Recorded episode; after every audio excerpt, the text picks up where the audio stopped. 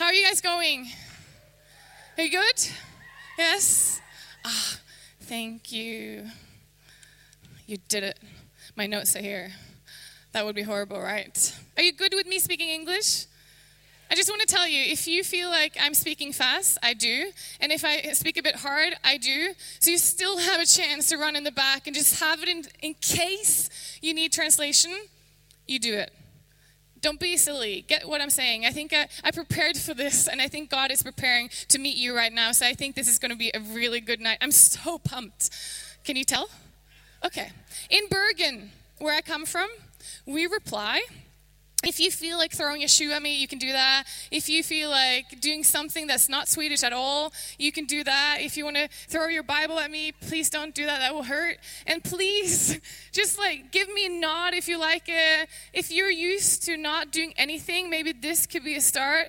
But if you're used to doing this, maybe you could, mm. And if you do that, you can say, yes. And if you don't like it, wait till afterwards and I'll talk to you, okay? Okay, we're at the last night of a decade. What?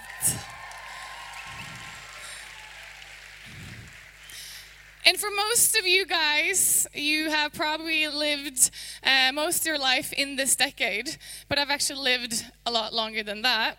And for me, I can remember this last decade. I studied, I have been to Australia for four years. I've done a lot of things in my life in these last 10 years. But on a night like this, it's super good to do what we call a stock take on these last few years. I don't know if you know what a stock take is, but it's actually like counting up what you have left, what you have done, what you have invested into, who you've been hanging out with, who, what you've done, what you use your money for. Mm, everyone's like, she talked about money. I'm out. What do I want to be known for? There's something called a eulogy. I know, this is sad. when someone dies, you write them a eulogy. That means like a, uh, the words of who they are. And they usually write something really nice. But one thing I don't want my eulogy to be like is this. I've actually never heard anyone's like that. They even lie. Like people lie just to make it sound good. But what if this was the last words people would speak about me after I was gone in heaven, obviously? She was a stingy. Do you know what stingy means? Cheap. Like, I'm the opposite of generous. Hoarder who kept everything for herself. Known for her massive intake on cheese doodles and hours spent diligently watching Netflix. If she is to remember, be remembered, it will be for laughing loudly at her own bad jokes. Who wants that to be your eulogy?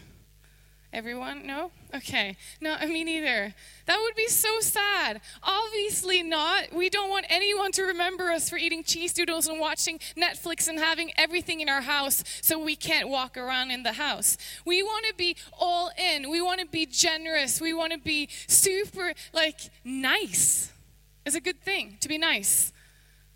We want to be all in, and that's what we're talking about tonight. And to be honest, I was like, why would you give me this topic? I, I, know I'm like, I'm a pastor and all that kind of stuff, but I feel like giving me the subject of being all in, it, I needed to go in myself for the last couple of months. I've been like, okay, God, am I actually all in? And to be honest, I had to do some like cleaning up. I needed to do go and, and figure out what I needed to give over to God again. And I think that's a good thing because I'm actually really ready to go in in a new decade and be ready to go all in. And I think this night, some of you guys will actually do the same thing. And I think you need to be honest with yourself for a second. Sorry to be the one that bumps you out, but this is a night to kind of be bummed and then happy again. So let's just go. Okay? We know that being all in is the best thing, and Jesus talks about it all the time. He speaks about taking up our cross. Jesus is saying that we need to be all in. There's nothing in between. The only true way of life is this. Let me read to you Luke 9 23, and I'm reading in the Passion translation, which is beautiful. Jesus said to all of his followers, If you truly desire to be my disciple, you must disown your life completely, embrace my cross as your own, and surrender to my ways. You need to be all in. This could also mean, actually, sorry to say this, suffer and die for Christ. Yep, I did. I did tell you this. For if you choose self sacrifice, giving up your lives for my glory, you will embark on a discovery for more and more of true life. But if you choose to keep for yourself, your lives for yourself, you will lose what you tried to keep, even if you gain if you gained all the wealth and power of this world, everything it could offer you, yet you lost your soul in the process. What good is that? As we said, it's not giving Jesus, oh, yeah, you can have this one, this part of my life. No, it's actually taking up our crosses. He's super, like, full on, straightforward. It's all in. In. Jesus is all in. There's nothing. His way is the true life. It is actually all in or nothing. There's nothing in between. And I can tell you this so many times, but I hope that whatever you, when you go out of this night, you will remember this one thing Jesus was all in. And let's be all in because there's nothing in between. This, it's not a good thing. All in is everything. There's, um, have you ever wanted something really badly? So you've been willing to do anything to get it? Yeah? Well, let me tell you about my 13 year old dramatic self. My biggest, I was going to get a photo, but that would just disturb you. Let's just be honest. Um, my head was really big and my arms were short. And um, I really, really wanted to get my own, my very own hamster. Hamster. Is that the right word? Hamster. Because my friend had one and I thought that was the cool thing to get. That was the Yeezys. That was like the coolest thing. So I asked my mom. My, mom. my mom's really, she's nice, but she's strict. So I was like, hey mom, can I have a hamster? She's like, no, obviously not. And I was like, are we not going to talk about this? So I was like, Mom, this is the greatest idea. I'll be responsible. I'll like, I'll do anything to have this hamster. And my mom said, obviously not and I started nagging, crying. At the at the end of this like long session, I can't remember how long it was. My mom said this. I, th- I think she thought she was really smart, and it was actually a really good idea. She said, she didn't she didn't think this would work though. She's like, "Hey, if you tidy your room every day for a year until Christmas." you will have a hamster for Christmas. That means every day, Sandra, for a year. And I was like, hamster is mine. I was like, I was so ready. I was so ready to have this hamster. So I cleaned and I cleaned. I'd made up my mind I was going to follow through. I cleaned my room, I tidied my room every single day. And Christmas came and I was going to the store to buy my hamster, like my a year long like goal, my biggest dream in life. I was so excited and pumped. I walked there with my mom, and she's like, "Well, you did it." I don't think she was so pumped. Um, and so we walked in there. And this might be why this happened. Let's get back to it. Uh, I was standing there. I got a, a hamster in my hand, and I was like, "No, I don't want a hamster." Why would I want a hamster? They smell. They're ugly. Sorry if you like hamsters. They make a lot of noise. I was like, I don't want a hamster. Let's go out. And I ended up walking out of that door or that store with no hamster. I thought I wanted this hamster. I was all in and now I was all out. And my mom was like, Praise you, Jesus. You heard my prayers. How many times how I wanted the wrong things, the things that I thought I wanted, until I realized they weren't really what I needed. And honestly, I mean, I don't like animals, so I'm really happy I don't have a hamster. They're just really, sorry, disgusting. And I don't like animals, so I don't know why I would wanted one. But I was all in, and now I was all out. In the Bible, it surprises me to see that some of the people around him up and left everything to follow a man, a 30 year old man that they just met, that they didn't know. I don't know why. We think it's easy because we know the story. We have the book. so we know how it ends. We know that it's, it's worth it, guys. You will die, but you'll be fine. And the fact is, there's so many, we can read about it in the Bible, so many people that follow Jesus and did for a really long time. But after a bit, they were like my hamster. They, with my hamster, they changed their minds. And maybe some of these guys follow Jesus just because that was the thing to do. When push comes to shove, it was not, it was too much. Jesus asked too much from, from the people around him. Or maybe they were comfortable. But Jesus said, Take up your cross and follow. That was not easy. And honestly, I'm sorry to tell you this.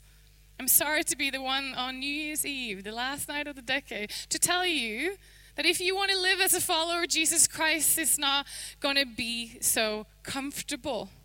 C.S. Lewis says that if you want a religion to make you comfortable, I would not recommend Christianity. There you go. So if you want to up and leave now, you can go. No, the thing is, it's actually not, it's not easy. And we pastors and leaders, we can come across as saying, follow Jesus and your life will be amazing. And it's a lie. Jesus is amazing. That's the truth. Life, not always so good. But life with Jesus is really, really good, but not easy. I don't want to lie to you. I don't want to tell you that life is going to be super when, when you follow Jesus, but you will hold the hand of He who knows the road. You will hold the hand who has fresh starts, new beginnings, peace, joy, strength for you in your future. He's got hope and plans for you. And you know what? That's worth it. I wouldn't trade that off for anything. Reality check. You don't always need what you want, and you don't always know the best way to live your life. And yes, it's risky to give Jesus your life. I, I, I know everything about this. But you have everything to gain in saying, Jesus, now you're in charge. You're it for me. Not because everyone else said so that you should get a hamster, so now you should get a hamster. No, because I know so, and because you know for yourself, not because your neighbor said so. You need to know for yourself. But He's the truth, He's the way, and He's the life. He is true life. Peter did that. Peter in the Bible, he did not even know the things that we now know because we have the book and we know the ending. He left everything to follow Jesus, the man he barely met. And Simon Peter, we use both names. It's confusing, but just follow me through here. Is one of the most fascinating guys in the New Testament. He's impulsive He's active and the, always the first to speak and the last to listen. He's the one, you know, the one in your class that always puts his hand up and says, like, answers the questions regardless of knowing the answer. You know that. You might be that one. Stop it. He's just a talker. He's a talker. He was a fisherman with his own business, and that sounds like a, not a big deal, but it was actually a really good thing. And we get to know Peter a bit through the text, the New Testament texts. And we're going to talk about him for a bit right now. Simon Peter had a really special first encounter with Jesus. Jesus immediately, when seeing Peter, tells him who he is. They just met. He didn't know his name. They were, it wasn't like, hey, Jesus, hey, Peter. No, it was like, hey, Simon, Peter, I know you. I would be like, oh, you stalker? And then we read in John 1:42, then Andrew brought Simon to meet Jesus. Looking, and that's a good one. Some of you guys need to actually bring someone to meet Jesus. In your schools, in your family, bring them to church and let them meet Jesus. Let's read. Looking intently at Simon, Jesus said, Your name is Simon, son of John, but you will be called Cephas, which means Peter. Jesus basically says, Simon is your past. Peter, this is your future. And you'd be like, hmm? He gives him a new name when they just met. I don't know about you. When I met Matthias, that was like the guy here that runs everything. It was really amazing. When I met him, I was like, Matthias, I'll call you John. I should start doing that. but they just met. And Jesus says, Hey, Simon, you are now Peter, the rock. It means the rock. You know what? Jesus always calls us by our names. He knows us. He knows everything about you. And you think that you can come in here and hide stuff, but eh, don't be creeped out. But He knows everything about you. You can just as well be honest. He knows you. And He says your name in the most beautiful way that only the ones that really love you say it. Peter, Peter, the re- really the rock. I don't know if you read something about Peter, but we all know he was not. He was impulsive. He was not stable and firm. But Jesus spoke into being something he saw in Peter. By the grace of God, good God, good grace, this is your future, Peter.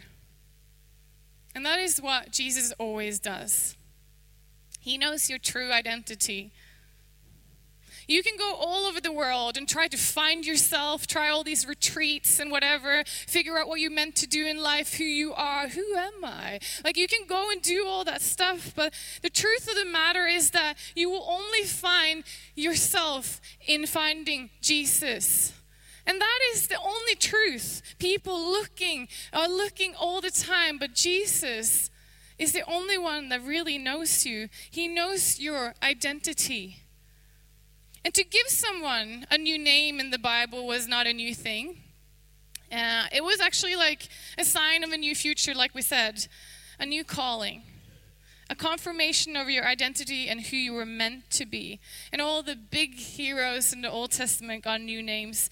Jesus knows best. He sees what you are right now and he sees your future and he speaks into being something that should uh, that he looks at that you can go step into, which is amazing. And in this room, I think there are a lot of people that have been called names. Bad names, wrong names, names that are not right, names about who you are or what you've done. I think there's a lot of you guys that have felt that you've been defined and your identity is in, in that name. But God wants you to know that He's the one that has a name for you. He's got a new name for you. He has a future for you and a fresh start. And what if we started this decade there? Hey, Jesus, I accept. And I think a lot of times I do this. We place our identity in sometimes things that we should leave behind. Simon brought up his nets, he was a fisher. He put his identity in there. And we always, we all, a lot of times try to find ourselves in people or the wrong things. But you know what? There's only the Creator that knows creation best and what creation is meant to do. And I think if we surrender and give all in, we will really see who we were meant to be and we will live in the full freedom and being in Him, which is the most amazing life. Jesus affirms Simon Peter's true identity and gives him a hint of his future if he just would follow.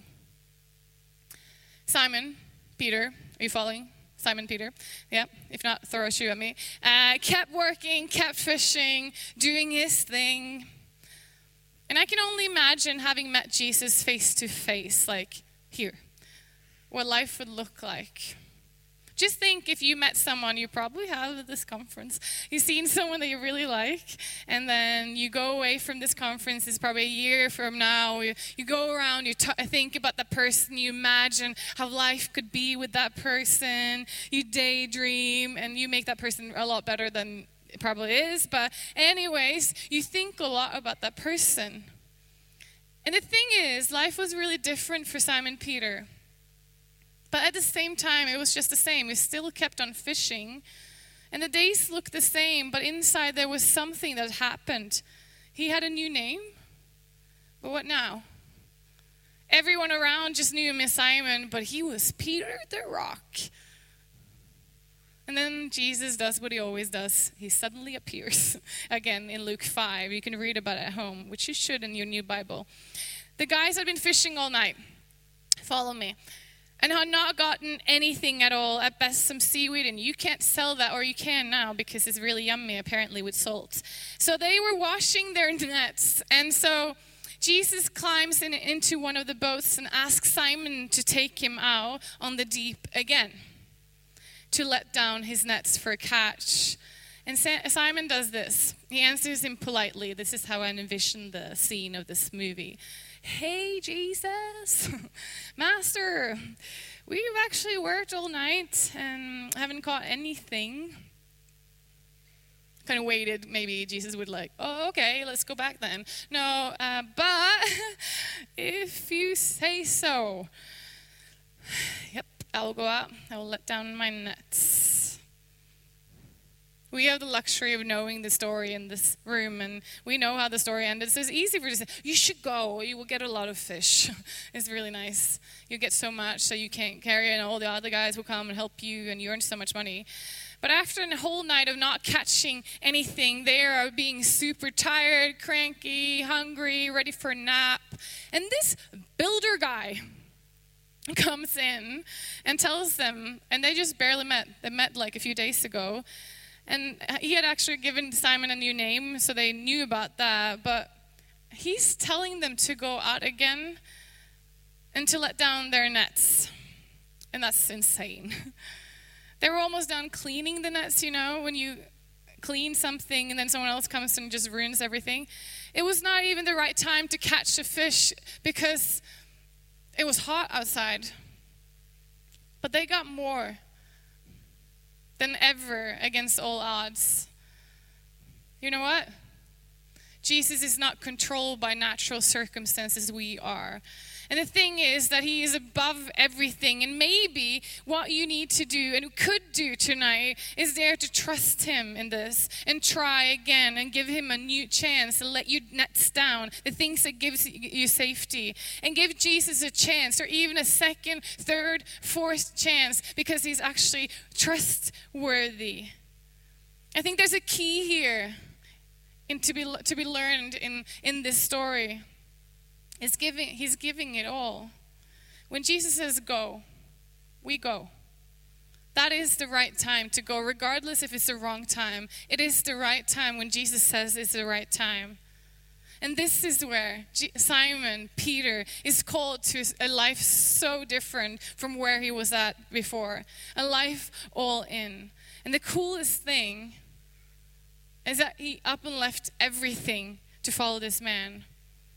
But how this would play out, how the story would actually look like, the life with Jesus, he did not know. He had to wait for it to see it pan out. But he was all in.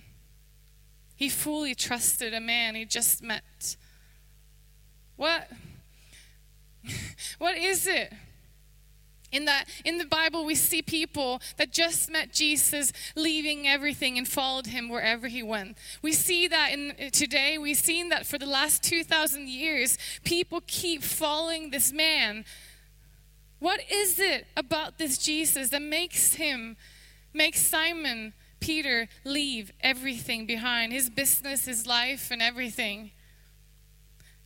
And the cool thing is, Jesus is really cool because Simon will continue to fish. It will just look a bit different. He will fish with for people, or he will actually gather people. It's time to throw his nets down deep.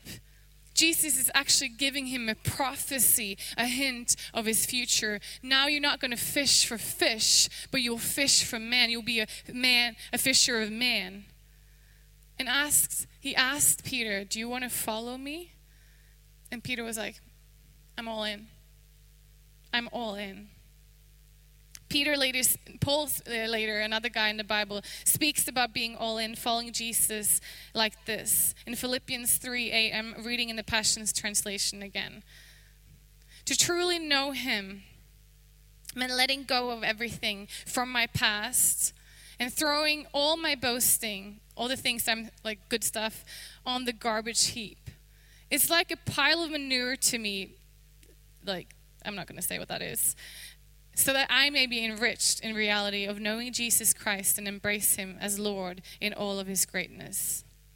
Jesus, Paul is basically saying that Jesus is my everything.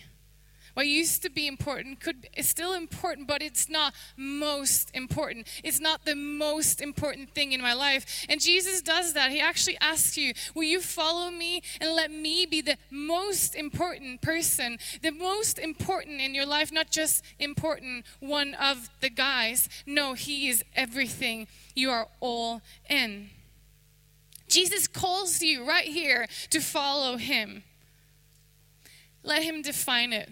Let Him show you what that looks like.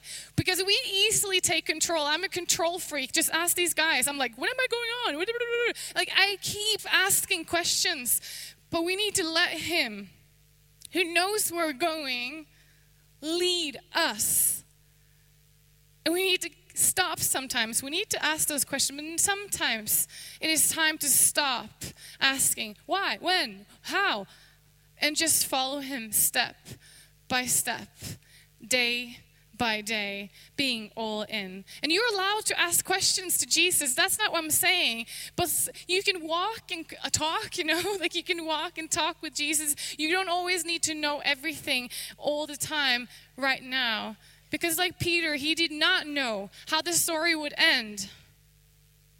Dare to take a leap of faith, jump do the trust exercise, exercise. Leave the nets behind, behind.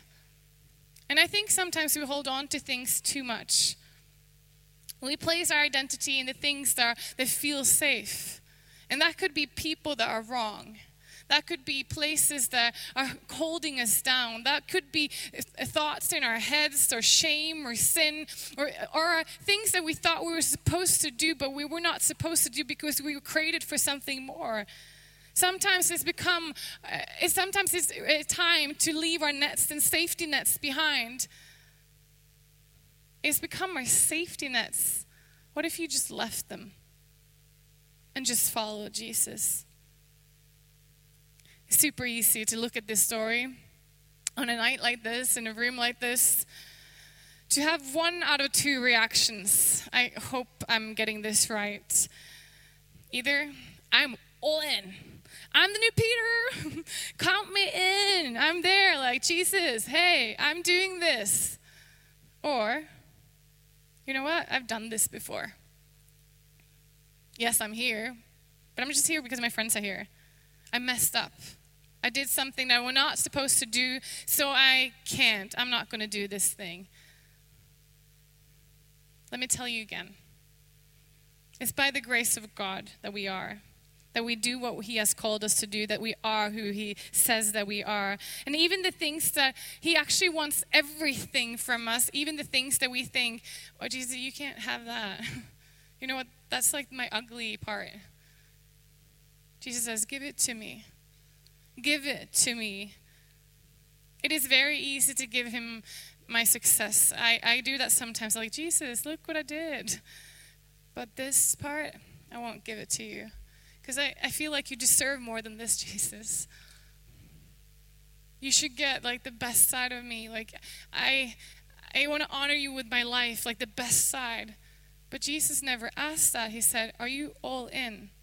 The good, the bad, and the ugly let me get it. Let me give you back your true life. I am the true life. It's actually when we give it all that we get to be who we're supposed to be. We get to be free. And that's the only way to be all in. You can try and you can try and you can try by doing the right things, but it's not about the right things. It's about who is right. God is right. And what you do with your life is give Him everything. What you keep is all you have. What you give multiplies, the smart one said. What you keep is what you have. And to be honest, to keep your shame and your sin, not a good idea. But to give Him the good stuff, and it doesn't multiply the bad stuff. but you get so much more. And when you give Him everything, you get back something that will multiply. You get, you get peace joy, strength, hope. He's so good like that. These are amazing news. It's a lifetime of giving everything. And to be honest, this is just as real for me today as it was being 15. I still have to wake up in the morning and give him everything. But it might be even more real because I know the cost of it. But you know what? I wouldn't do it in any other way.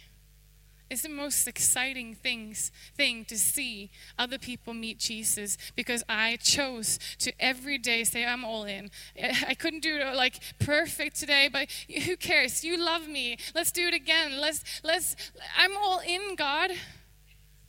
And the thing is, if you felt like you let Jesus down, I want to tell you right now, he gives you an abundance of fresh starts. He gives you a new start and a new chance every single morning. He says that His grace is new every morning. He's got a fresh starts. And to, tomorrow, when you wake up, He's got a fresh start. The next day, He's got a fresh start. You can actually follow Him every day. It's not a race, it's an everyday life of giving Him everything. And the older I get, the more I give Him because I, I see that He is trustworthy. He holds His promises. And the cool thing is, Peter was one of those guys that gave it all and then he messed up. But you know what? Jesus met him when he was at his lowest part. Peter had done the one thing you were not supposed to do. At the time, you're not supposed to do it. Like, Peter denied Jesus when Jesus was taken to the cross. That's the worst time. Like, that's the worst friend ever. But Jesus comes after having died and rose again from the, uh, grave. He came and he met Peter on the beach and he said, Do you love me? And Peter was like, Yes, you know I love you. And then again, Hey, do you love me? Yes, I love you. Do you love me? Yes, I love you. And he gave him the opportunity to say and to ask for forgiveness three times. To, I think God did that, or Jesus did that, to make sure that Peter would know you're good, Peter. I got you. I got a fresh start. I got a future for you. You're still Peter. You're not Simon. You are still Peter. You're still going to be used by me. You can stand up for a second with me. Not a second, actually. I'm lying. Jesus is actually asking you to follow him again tonight, to give it all. And it's, it's a daily decision. Listen to me. It's a walk, not a race. This last night, 2020, new decade, you can make some bold decisions. You're like, I don't dare to do that. Do that. What if you just did? What if you just started? What if you just tried? What if you say, Jesus, I don't know, but I give you everything. I surrender everything to you. And I dream of one day when I'm up in heaven partying with Jesus, eating waffles and licorice and cheese doodles, I will have it been said about me that she was one that gave it all. Jesus was her all in all. I don't want people to remember me even. I want them to remember that they met Jesus. And you know what? You can be that person in your school, in your family, here in your church. You can be that person that was all in. Like, I don't have everything together, but I'll give you everything I got and that is Jesus. If you're here and you actually never made that decision at all to give Jesus your everything, and I'm not saying that you need, like, try, listen to me. If you made up your mind to follow Jesus yesterday, you don't need to do it again today. His grace is enough for you. But if you know in yourself that you walked away from Jesus or you never made a conscious decision to follow Jesus, then you can put your hand up when I'm counting to three and everyone's got their eyes closed and bowed their heads. But if you're here and you haven't made that decision, you're here for that reason alone because He's standing in there with grace in His eyes. He's like, His love is blazing out for you. And He wants you to know that He is the way, the truth, and the life. He's got a hope and a plan and a future for you. So why not on this night give him everything? So I'm going to ask you to make a bold decision to say, Jesus, you are my Lord and you're my Savior. Be in charge from now on. I don't know. You're just a man I just met. But you know what? You've given me a new future. I'm all in. With every ha- head bowed and every eyes closed, and I see eyes, so please close your eyes. It's not because it's not it's not private. Christianity is not private, but it, is personal. So I want you to do something bold. And I will ask you to put your hand on up on three. And I'm not going to pick on you. I'm not going to ask you to come in the front. I will ask you afterwards to go to some of the ones that are, that are praying for you because I think it's important to talk to someone, that get a Bible and get a fellow, like a community to be in. But I would just want to pray for you. That would be my greatest honor on the last night of this decade. Can you imagine people coming home? So if you're here with every eyes closed, every head bowed, all eyes closed, I count to three. One, two. God loves you so much. Three. Put your hand up. Cool. Hands are going up.